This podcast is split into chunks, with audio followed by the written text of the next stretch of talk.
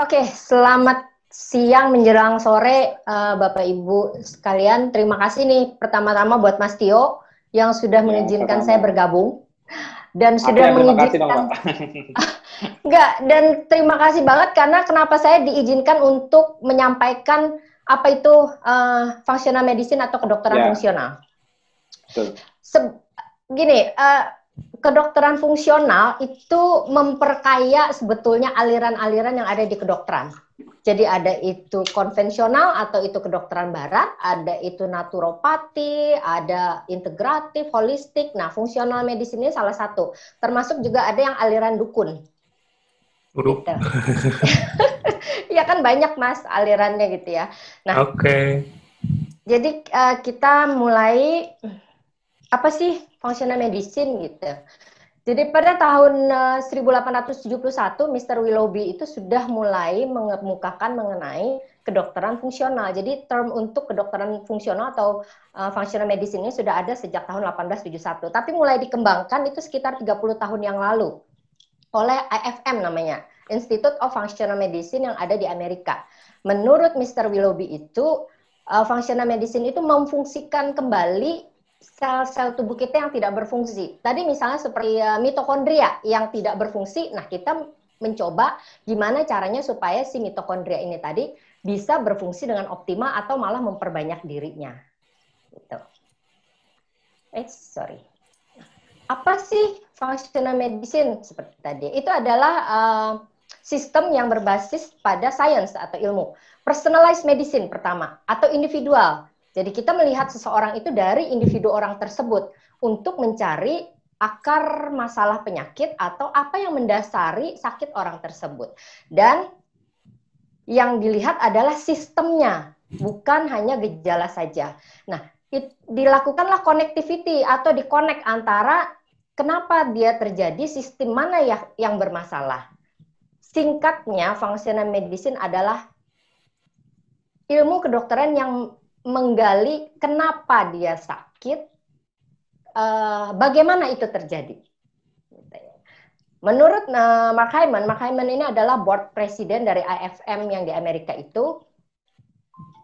Tu, uh, inti utamanya adalah kita cari penyebabnya, bukan hanya gejalanya saja. Yang kita betulkan adalah ekosistemnya, kemudian kita buang apa yang jelek, kita masukin apa yang baik, sisanya itu tubuh kita akan memperbaiki dirinya sendiri. Dan tubuh kita itu pinter loh. Dengan hal-hal yang tidak baik kita jauhkan, dia akan membenarkan diri sendiri. Makanya kenapa tadi ada rejuvenasi. Nah, di functional medicine kita menggunakan pohon ini tadi. Ketika uh, kedokteran konvensional atau barat, kita biasanya langsung melihat per organ, tapi dari kedokteran fungsional kita lihat di bawah sini. Apa saja sih yang mendasarin? Semua tuh lima pilar yang biasanya Mas Tio sebutkan itu ada di sini. Ya. Tapi ada ditambahkan dengan mikroorganisme, ada yang polusi segala macam, tapi tetap dihubungkan dengan lima pilar yang minimal itu yang harus kita kerjakan untuk mendapatkan kesehatan yang optimal. Gitu. Nah, matriks ini oleh praktisi kedokteran fungsional digunakan untuk tadi melakukan connectivity. Ini adalah sistem-sistem yang ada di dalam tubuh kita. Ketika satu sistem ini terganggu, dia akan berimpak kepada sistem-sistem yang lain. Itu tadi tujuan yang disebut connectivity-nya.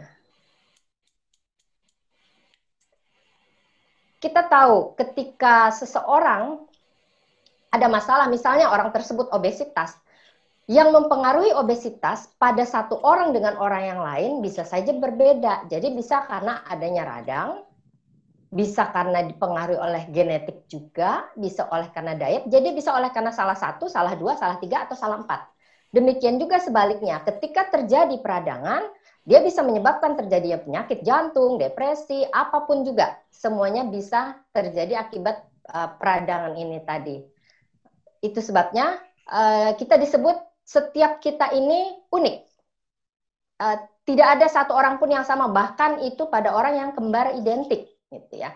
Ada tetap hal-hal yang mempengaruhi.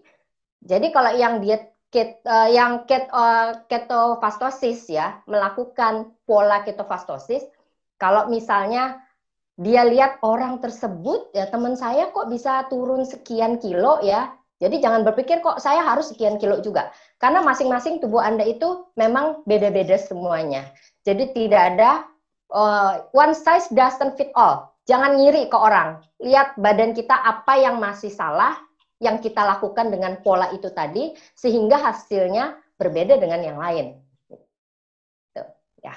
Nah, kalau selama ini orang sakit terus cuma nanya oh diabetes obatnya apa sekarang kita harus mulai belajar melihat. Bukan dikasih obat tapi dicari kenapa diabetesnya. Sama seperti foto ini.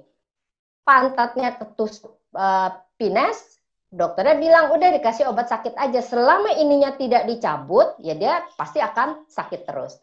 Capek kalau misalnya kita hanya memberi pengobatan terus tapi tidak mencari akar masalahnya.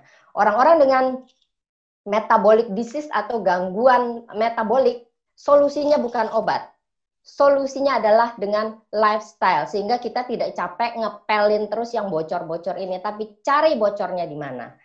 Gitu. Oke. Okay. Itu selintas mengenai kedokteran fungsional. Jadi fokus kita adalah mencari akar masalah, kemudian kita sesuaikan pendekatannya dengan individu atau personalize orang tersebut. Jadi kayak kita kalau jahit baju sesuai dengan uh, badan kita gitu. Nah, kita masuk ke apa sih illness wellness continuum? Ini berkaitan dengan judul saya sehat atau tetap sehat dari sudut kedokteran fungsional.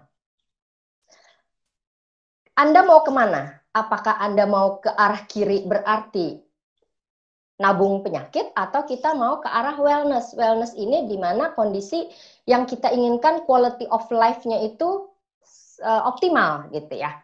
Uh, dengan wellness continuum ini tadi, usia biologis kita itu bisa lebih muda daripada usia kalender. Itu yang kita tuju.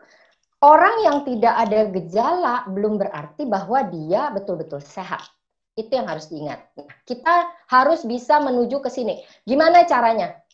Apa pun caranya yang bisa membuat gen kita itu senang, salah satunya ya, itu nanti akan mengarahkan kita ke uh, ke ke ke kondisi wellness yang betul-betul optimal. Um, kita tahu ya di saat ini di dunia itu penyakit yang paling banyak itu adalah penyakit kronis. 50% ternyata punya dua minimal punya satu penyakit kronis loh ya dan kos yang dikeluarkan itu amat sangat tinggi di negara mana pun sebetulnya termasuk seperti di negara kita dengan BPJS yang terus meningkat ya biayanya nah itu kita bisa bisa hindarin gitu loh murah pula caranya uh, dengan puasa tadi ya salah satunya katanya ya nggak perlu biaya cuman perlu beli air aja kita harus lihat apa sih yang mendasarin satu penyakit. Ini adalah fenomena gunung es, di mana yang kita lihat hanya di atas sini saja. Padahal masalah yang ada di sini, penyakit yang ada di sini itu bersumber dari di bawah sini. Itu sebabnya yang disebut root cause itu yang kita betulkan adalah di bawah sini, bukan di atas sini. Kalau di atas sini nanti nggak beres-beres. Beres satu, keluar lagi. Lihat di sini. Betulin uh, gula uh, tekanan darahnya, nanti ada lagi gula darah yang naik. Terus nanti ada lagi ke arah uh, neuro uh, neurotransmitter ketidakseimbangan di sini ya. Jadi ini adalah fenomena gunung es di mana pengobatan kalau dilakukan hanya di atas sini saja itu tidak akan menyelesaikan masalah. Nah, yang paling banyak menyebabkan masalah biasanya ya karena memang pola hidup kita. Uh, tadi ada tiga, ada gen yang berpengaruh di situ, kemudian ada bagaimana uh, lifestyle kita dan lingkungan kita. Untuk lingkungan kita lihat, saat ini kita hidup di dunia yang kadar toksinnya itu tinggi sekali. Bisa dari logam berat, bisa dari uh, herbisida atau pestisida banyak sekali, makanan yang sudah dimodifikasi, uh, biotoksin, dan industri nih, kimia industri kimia ini banyak sekali sekarang. Termasuk botol plastik loh ya, ini banyak sekali. Dan sekarang di kondisi COVID, penggunaan APD yang berbahan dasar plastik itu banyak sekali. Nah, dari toksin ini, lingkungan yang banyak racunnya ini itu akan mempengaruhi ke epigenomik kita. Epigenomik ini adalah kondisi epigenetik kita yang dipengaruhi nanti oleh lingkungan. Untuk bisa mengeluarkan si racun, itu ada yang namanya metilasi di tubuh kita. Metilasi ini nanti berguna sekali pada saat kita mau mengeluarkan racun atau proses detox.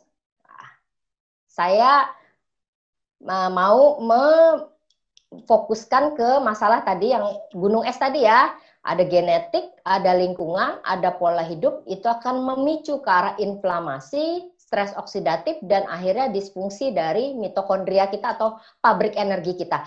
Dari sini tadi, ini akan mengarah ke penyakit kronis atau inflamasi kronis juga. Banyak kos yang dikeluarkan yang berkaitan dengan masalah penyakit kronis. Dan ternyata penyakit kronis itu pemicunya adalah pola hidup dan lingkungan kita yang tidak sehat. Akibat kita manusia juga yang menzolimin lingkungan sebetulnya. Ini data di luar. Kalau dilihat di kita, kalau dilihat um, banyaknya tagihan BPJS ya, kayaknya hampir-hampir sama nih masalahnya. Nah, kita masuk sekarang ke masalah chronic disease epidemic. Chronic disease epidemic ini akan ini hampir sama ya. Jadi dari uh, kronik inflamasi, peradangan kronis, ini akan memicu ke terjadinya oksidatif stres. Demikian juga sebaliknya. Nanti akhirnya akan muncul penyakit-penyakit tadi yang bisa memicu kronik inflamasi dan oksidatif stres itu adalah lihat ya diet pola hidup kita sorry diet pola hidup yang rokok nih terus macam-macam obat dan lingkungan tadi Diingat ya, jadi kronik inflamasi atau peradangan yang kronis itu tadi akan memicu terjadinya stres oksidatif. Begitu. Ini tadi sudah di-share sama uh, Om Bong. Jadi uh, apa sih sebetulnya inflamasi? Inflamasi itu sebetulnya reaksi tubuh kita terhadap adanya apa pun ancaman dari luar baik itu toksin, ada uh, infeksi atau cedera. Jadi dia bersifat protektif terhadap kerusakan yang ada di jaringan kita. Kalau yang akut itu gampang melihatnya bengkak, nyeri, merah, kehilangan fungsi gitu ya. Nah, yang berbahaya adalah yang silent inflamasi atau inflamasinya yang diam-diam. Jadi dosisnya itu sedikit, sedikit, sedikit, kemudian dia numpuk dan ketika ada pemicu dia akan keluar langsung ber, uh, berupa penyakit-penyakit yang ada sekarang. Dan inflamasi ini dikaitkan dengan inflammaging ketika orang tersebut terjadi inflamasi, maka proses penuaan di dalam tubuhnya juga pasti akan meningkat. Nah, kronik inflamasi atau penyakit kronis ini kayak kita uh, miara api dalam sekam ya. Jadi nggak begitu kelihatan, orangnya juga kelihatan seperti uh, masih baik-baik. Nah itu yang kita tidak inginkan. Kalau misalnya muncul obesitas, itu harusnya kita agak ber agak bersyukur sedikit ya, karena ini ada alarmnya gitu. Kebanyakan uh, peradangan kronis nggak ada tanda-tandanya. Keluarnya nanti udah sakit. Kalau misalnya ada keluhan nih, nyeri gitu ya, eh, sakit-sakit di linu-linu gitu. Itu salah satu tanda inflamasi yang biasanya suka di tidak dianggap oleh orang-orang. Ya. Oke. Nah, kemudian kita masuk ke stres oksidatif. Stres oksidatif itu bisa dari luar, bisa dari dalam. Kalau dari dalam, itu berarti dari salah satunya dari sisa metabolisme kita. Ya. Terus ada karena stres, gitu. Ada karena infeksi. Ini yang hijau nih, ini yang dari luar. Nah, uh, yang dari dalam ya, sorry. Yang orange-orange ini, ini yang dari luar. Trauma, sinar matahari UV itu juga bisa menyebabkan uh, inflamasi di tubuh kita. Inflamasi uh, uh, sorry, oksidatif stres sebetulnya terjadi ketika terjadi ketidakseimbangan antara penyebab yang bisa menjadikan uh, prooksidatif dan antioksidan. Nah, antioksidan itu ada di dalam badan kita loh, jadi nggak uh, tidak harus selalu dari luar. Di kedokteran fungsional itu tidak mengharuskan seseorang oh harus pakai vitamin, harus pakai mineral, harus memasukkan antioksidan, harus uh, tambah ini, tambah itu, melakukan lab ini, lab itu. Tidak. Suplemen atau uh, vitamin dan mineral itu sebetulnya bisa kita dapatkan dari pola makan kita sehari-hari atau pola hidup kita sehari-hari. Kapan menambahkan itu? Kalau di memang diperlukan. Ketika kita mau meningkatkan salah satu sistem tubuh kita yang dari sononya itu kurang bagus, barulah kita biasanya akan memasukkan di situ. Jadi tolong jangan dimengerti bahwa uh, harus pakai vitamin, harus pakai suplemen, harus pakai ini tidak, tapi ada kondisi-kondisi tertentu di mana memang tubuh kita membutuhkan itu tadi karena berkaitan dengan fungsi biokimia di dalam tubuh supaya sel-sel kita itu bisa berfungsi uh, optimal. Jadi antioksidan itu ada yang di dalam tubuh, tapi ada juga yang di luar tubuh. Nah, antioksidan ada dua, ada yang enzim ya ada yang bentuknya enzim itu ada SOD, glutathione mungkin sudah pada uh, ada apa namanya uh, glutathione peroksidase gitu. Ada yang bukan enzim misalnya melatonin, uh, koenzim Q10 ini yang sangat berguna untuk uh, jantung kita terutama sangat suka dengan Q10 ini tadi. Nah, radikal bebas ini yang harus kita jauhkan sebisa mungkin dengan pola makan yang tidak bersifat proinflamasi itu pasti akan sangat membantu tubuh kita mengurangi adanya radikal. Pilihannya hanya supaya kita tidak perlu menambahkan apa-apa dari luar, kita jaga jangan sampai memasukkan banyak hal yang jelek ke dalam tubuh kita. Kita atur tubuh kita supaya mampu bisa berfungsi optimal tanpa harus memasukkan apa pun juga. Gitu. Nah, kita masuk ke disfungsi mitokondria. Jadi dari peradangan tadi, kemudian terjadi stres oksidatif, impact-nya ke mana? Ya pasti ke mitokondria kita ya, yang paling uh, harus kita jaga nih, supaya kita tidak mudah menua, supaya kita bisa tetap punya uh, energi yang berlipat gitu ya, energi yang bagus itu mitokondria kita harus bisa optimal. Jadi kalau kita mau sehat, inflamasi tidak boleh tinggi sehingga dia tidak memicu terjadi stres oksidatif dan dia tidak merusak pabrik atau powerhouse di tubuh kita yaitu mitokondria. Lihat, ini mitokondria yang normal dan ini adalah mitokondria yang rusak sehingga banyak mengeluarkan sel-sel radang. Nah, jantung di mana kerjanya itu tidak pernah berhenti karena kalau berhenti berdetak ya udah habis gitu ya. Satu sel itu dia punya sekitar 3.500 mitokondria. Satu sel di otot jantung. Bayangkan ada berapa banyak di situ. Nah, mitokondria kita ini memerlukan eh, hal-hal uh, yang bisa bikin dia selalu tetap berfungsi dengan dengan optimal tadi. Ya, stres itu sangat berpengaruh, berkontribusi terhadap rusaknya mitokondria. Dan untuk bisa metabolisme itu tadi dia perlu energi loh. Mitokondria menghasilkan ATP. Nah, supaya ATP ini tadi bisa berfungsi, ada energi juga yang harus disuplai. Ini beberapa disfungsi dari mitokondria. Jadi ada um, penyebabnya ya. Penyebabnya kebanyakan coba lihat radang, metabolisme, asam lemak yang tidak oke okay, gitu, yang tidak bagus gitu yang gampang kita lihat di sini stres oksidatif tadi yang tinggi, terlalu banyak makan itu bikin mitokondria kita itu kayak banyak karatnya nanti ya. Kemudian proses glikasi ini dari gula yang tinggi, kemudian ada uh, lipid kita, lemak kita yang teroksidasi, racun dari lingkungan ini banyak sekali sekarang dan ada yang disebut mikronutrisi defisiensi. Ini beberapa uh, mikronutrisi yang diperlukan supaya mitokondria kita tadi bisa berfungsi dengan optimal.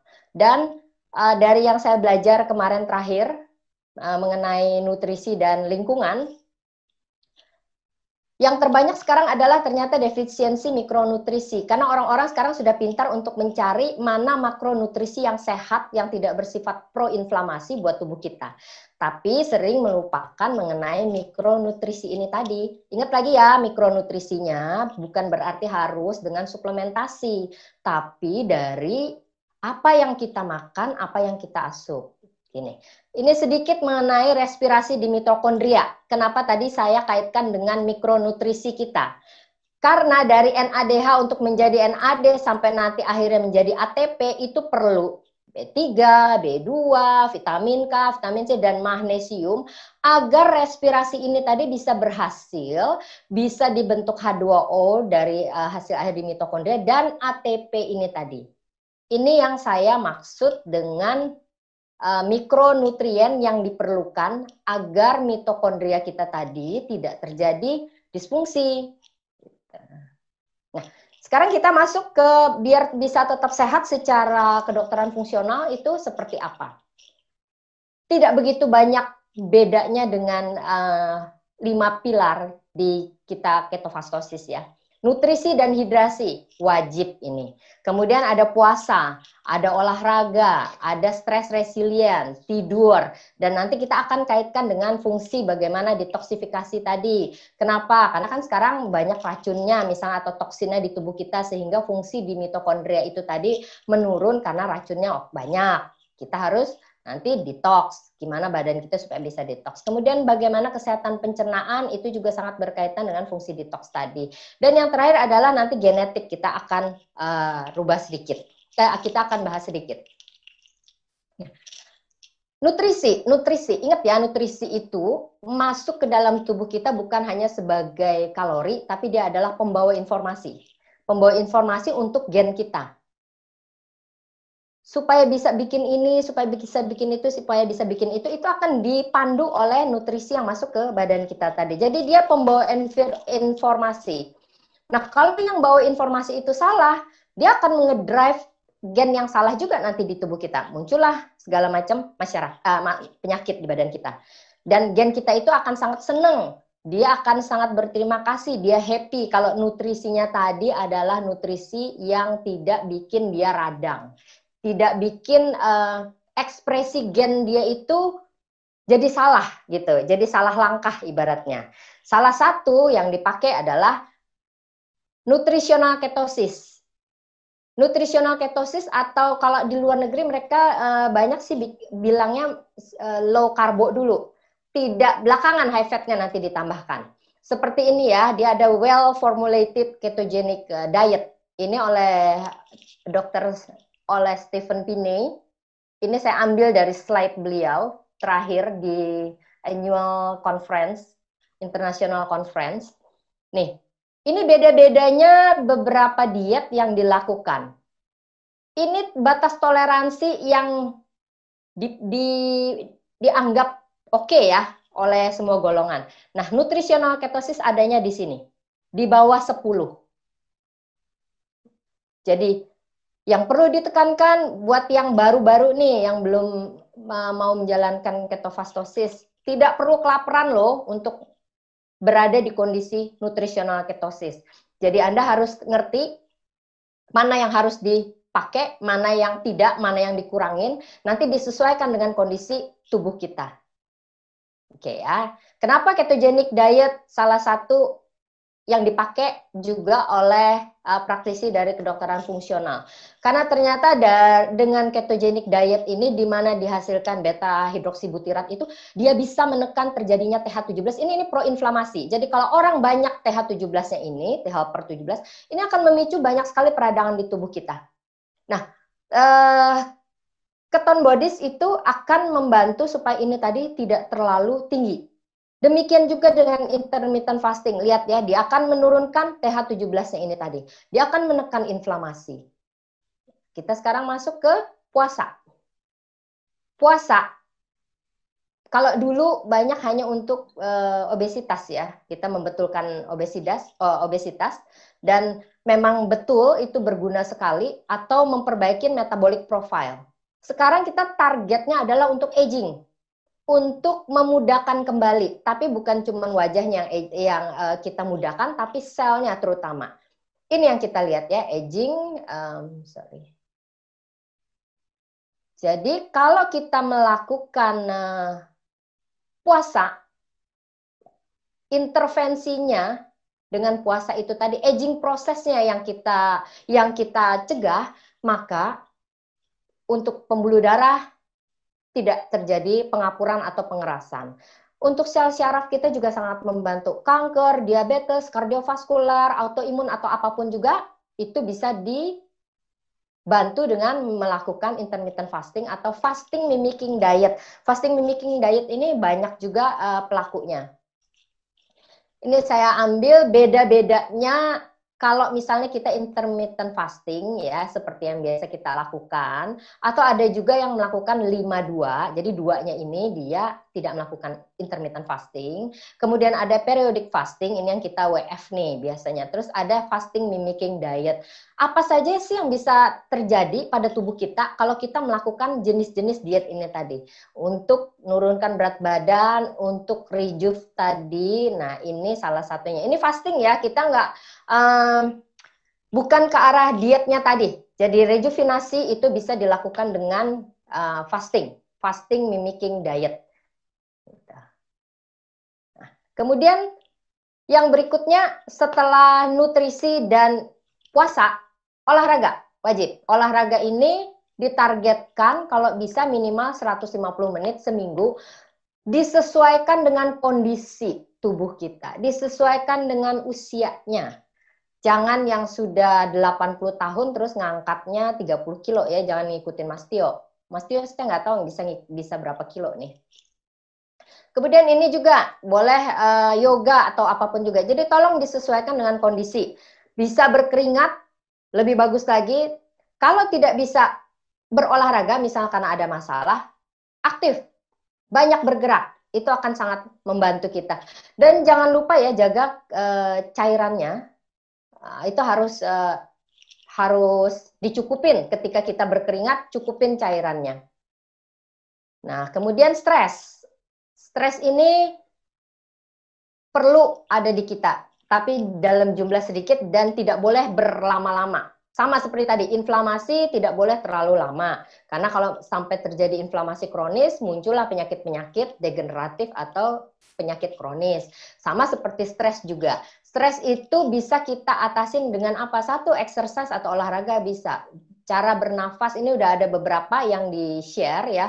Kemudian kita bisa dengan meditasi, dengan yoga gitu ya. Ini semuanya bisa untuk membantu mengatasi stres kita ada satu cara naf bernafas yang disarankan yaitu uh, dengan cara 478 breathing. Jadi empat hitungan tarik nafas dari hidung, kemudian tahan tujuh hitungan dan dikeluarkan dari mulut delapan hitungan.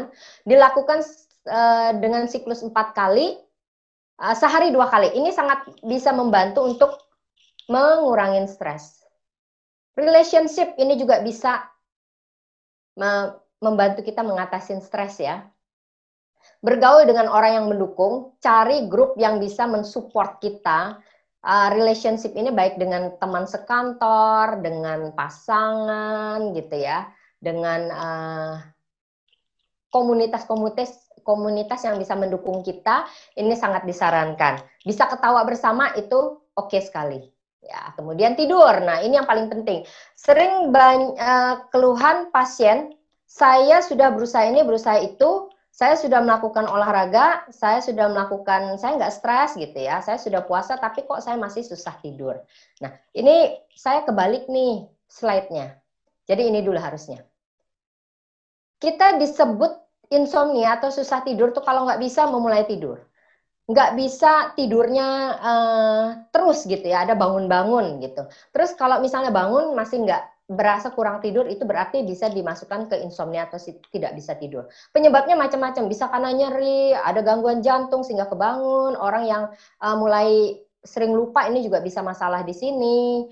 Uh, obat-obatan ada yang memicu, bisa uh, kelainan uh, mental itu juga bisa dan yang jelas pola hidup yang tidak normal tadi itu bisa memicu orang untuk susah tidur.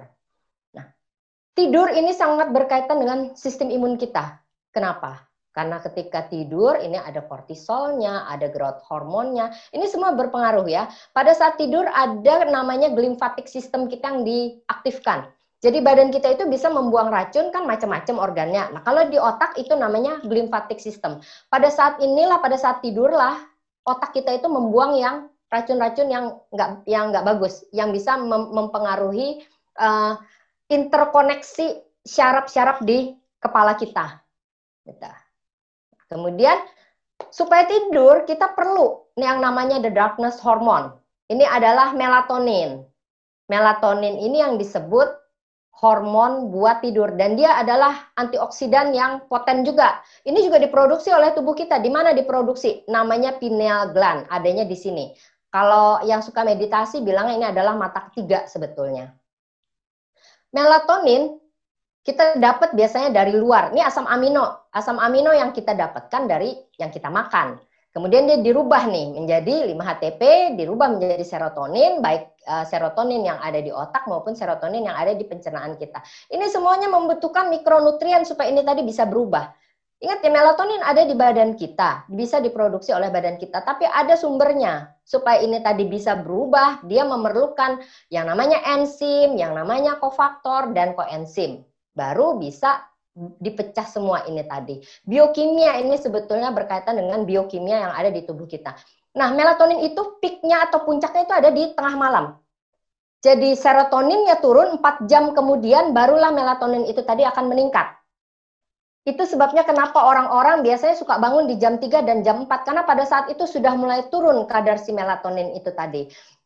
Kalau mau ininya meningkatnya cepat, makanya jangan tidurnya. Ini ini sirkadian tubuh kita ya. Jadi ada irama sirkadian di tubuh kita. Jadi kalau anda mau melatonin ini tadi meningkat di sini, jangan tidurnya di jam 12. Bayangin jam 12, 1, 2, 3, jam 4 baru baru meningkat. Itu sudah menyalahin aturan dari badan kita. Disuruhnya makanya tidur jam 10. Kenapa? Jam 10, 11, 12, 1, 2. Nah, itu dia udah mulai meningkat tuh di sini puncaknya. Kalau melatonin ini tidak terbentuk dengan optimal, kita kekurangan, maka peradangan di tubuh kita juga akan tinggi. Ini makanan ya yang kita bisa kita makan sebagai sumber untuk membentuk melatonin di dalam tubuh kita.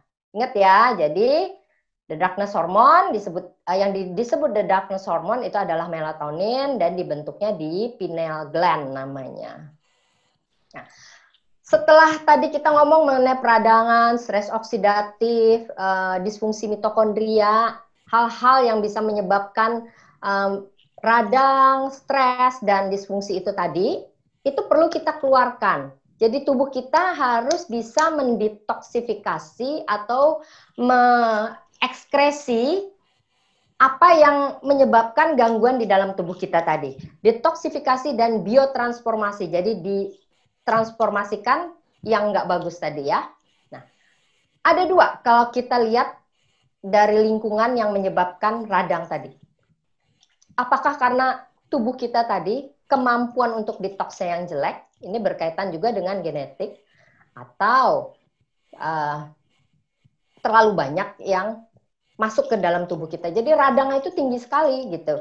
Sehingga tubuh kita juga susah untuk mengeluarkan, belum lagi ditambah karena ternyata memang ada ketidakmampuan atau ada masalah dari sananya.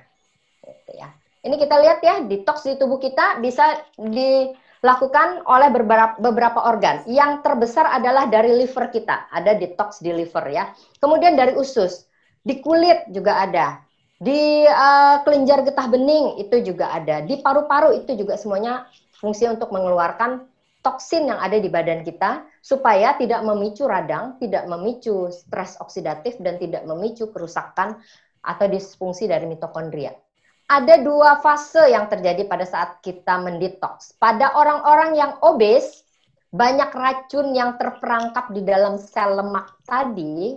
Nah, ketika uh, badan kita melakukan pemecahan lemak ya. Biasanya begitu masuk ke ketofastosis melakukan uh, puasa gitu ya, intermittent gitu. Banyak sekali yang dipecah di lemaknya itu tadi untuk dibentuk menjadi energi.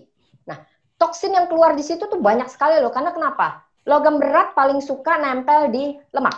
Ingat ya. Jadi kalau misalnya ada uh, heavy metal PB plumbum gitu, kadmium, P, apa namanya lead itu, itu semuanya merkuri. Orang yang punya apa tambelan di gigi amalgam itu juga biasanya banyak racunnya.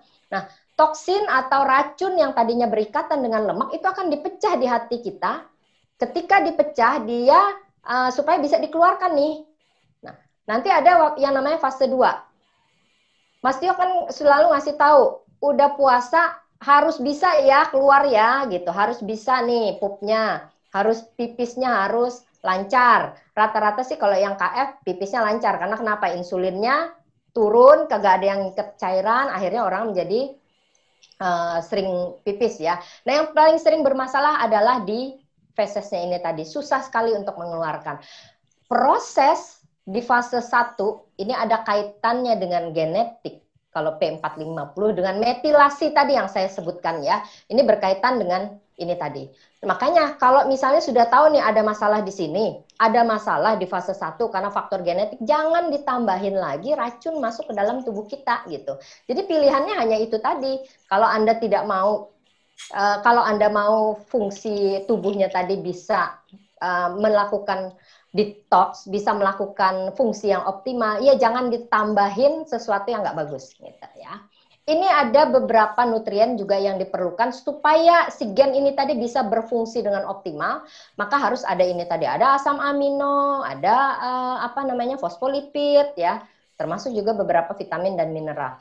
Yang di fase 2 juga begitu. Fase 2 ini ketika si racun tadi yang berikatan di lemak dipecah supaya bisa berikatan dengan air dan dikeluarkan, ini ada beberapa uh, reaksi biokimia yang terjadi ada metilasi, ada asetil, ada glutation semuanya dan ini memerlukan juga asam amino asam amino yang bisa kita dapatkan dari uh, apa yang kita konsumsi gitu. Tadi saya bicara mengenai liver detox. Jadi detoksifikasi yang dilakukan oleh liver. Sebagian besar proses detoksifikasi kita terjadi di liver.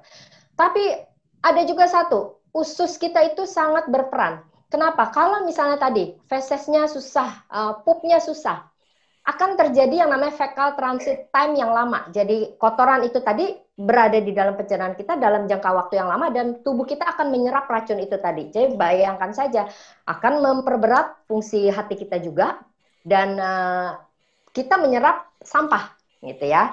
Itu sebabnya kenapa kaitan antara ini saluran pencernaan dan liver ini tadi sangat penting sekali untuk proses pengeluaran racun yang ada di dalam badan kita kalau mukosa atau kalau pencernaannya bagus, maka liver kita juga kerjanya tidak begitu berat.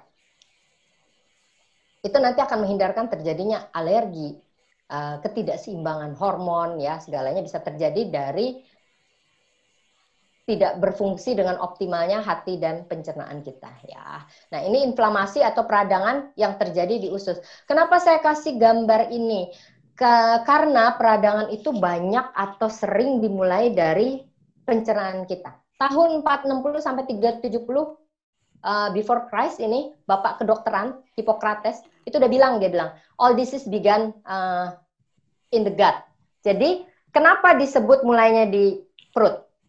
Selama kita hidup berapa ton makanan yang kita masukkan ke dalam mulut kita? Makanan yang kita konsumsi tidak selalu yang bagus-bagus. Dan 70% sistem pertahanan tubuh kita itu ada di dalam sistem pencernaan kita. Kalau orangnya stres gitu ya, coba dilihat deh, biasanya di pencernaannya juga sering ada masalah. Ini peradangan yang terjadi akan ke mana-mana. Bisa menyebabkan ketidakseimbangan bakteri di usus. Kalau ada leaky gut, biasanya nanti juga bisa ada leaky brain, orangnya jadi stres, eh, apa namanya, anxiety ya ini semuanya bisa uh, terjadi. Lihat ini, metabolic syndrome, peningkatan uh, kadar insulin, kortisol yang meningkat, susah tidur, jerawatan, ada sistem di autoimun, alergi, obat, makanan, dan lain-lain, ini berkaitan sekali dengan kesehatan usus. Nah, kesehatan usus, jangan melupakan uh, asam lambung.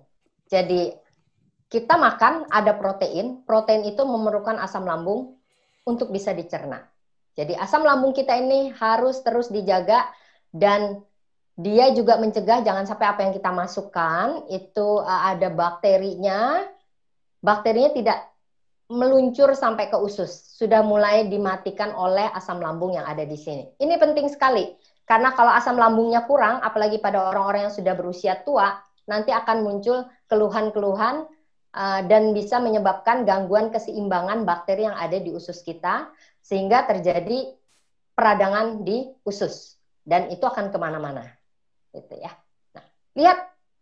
Kalau ada masalah lihat.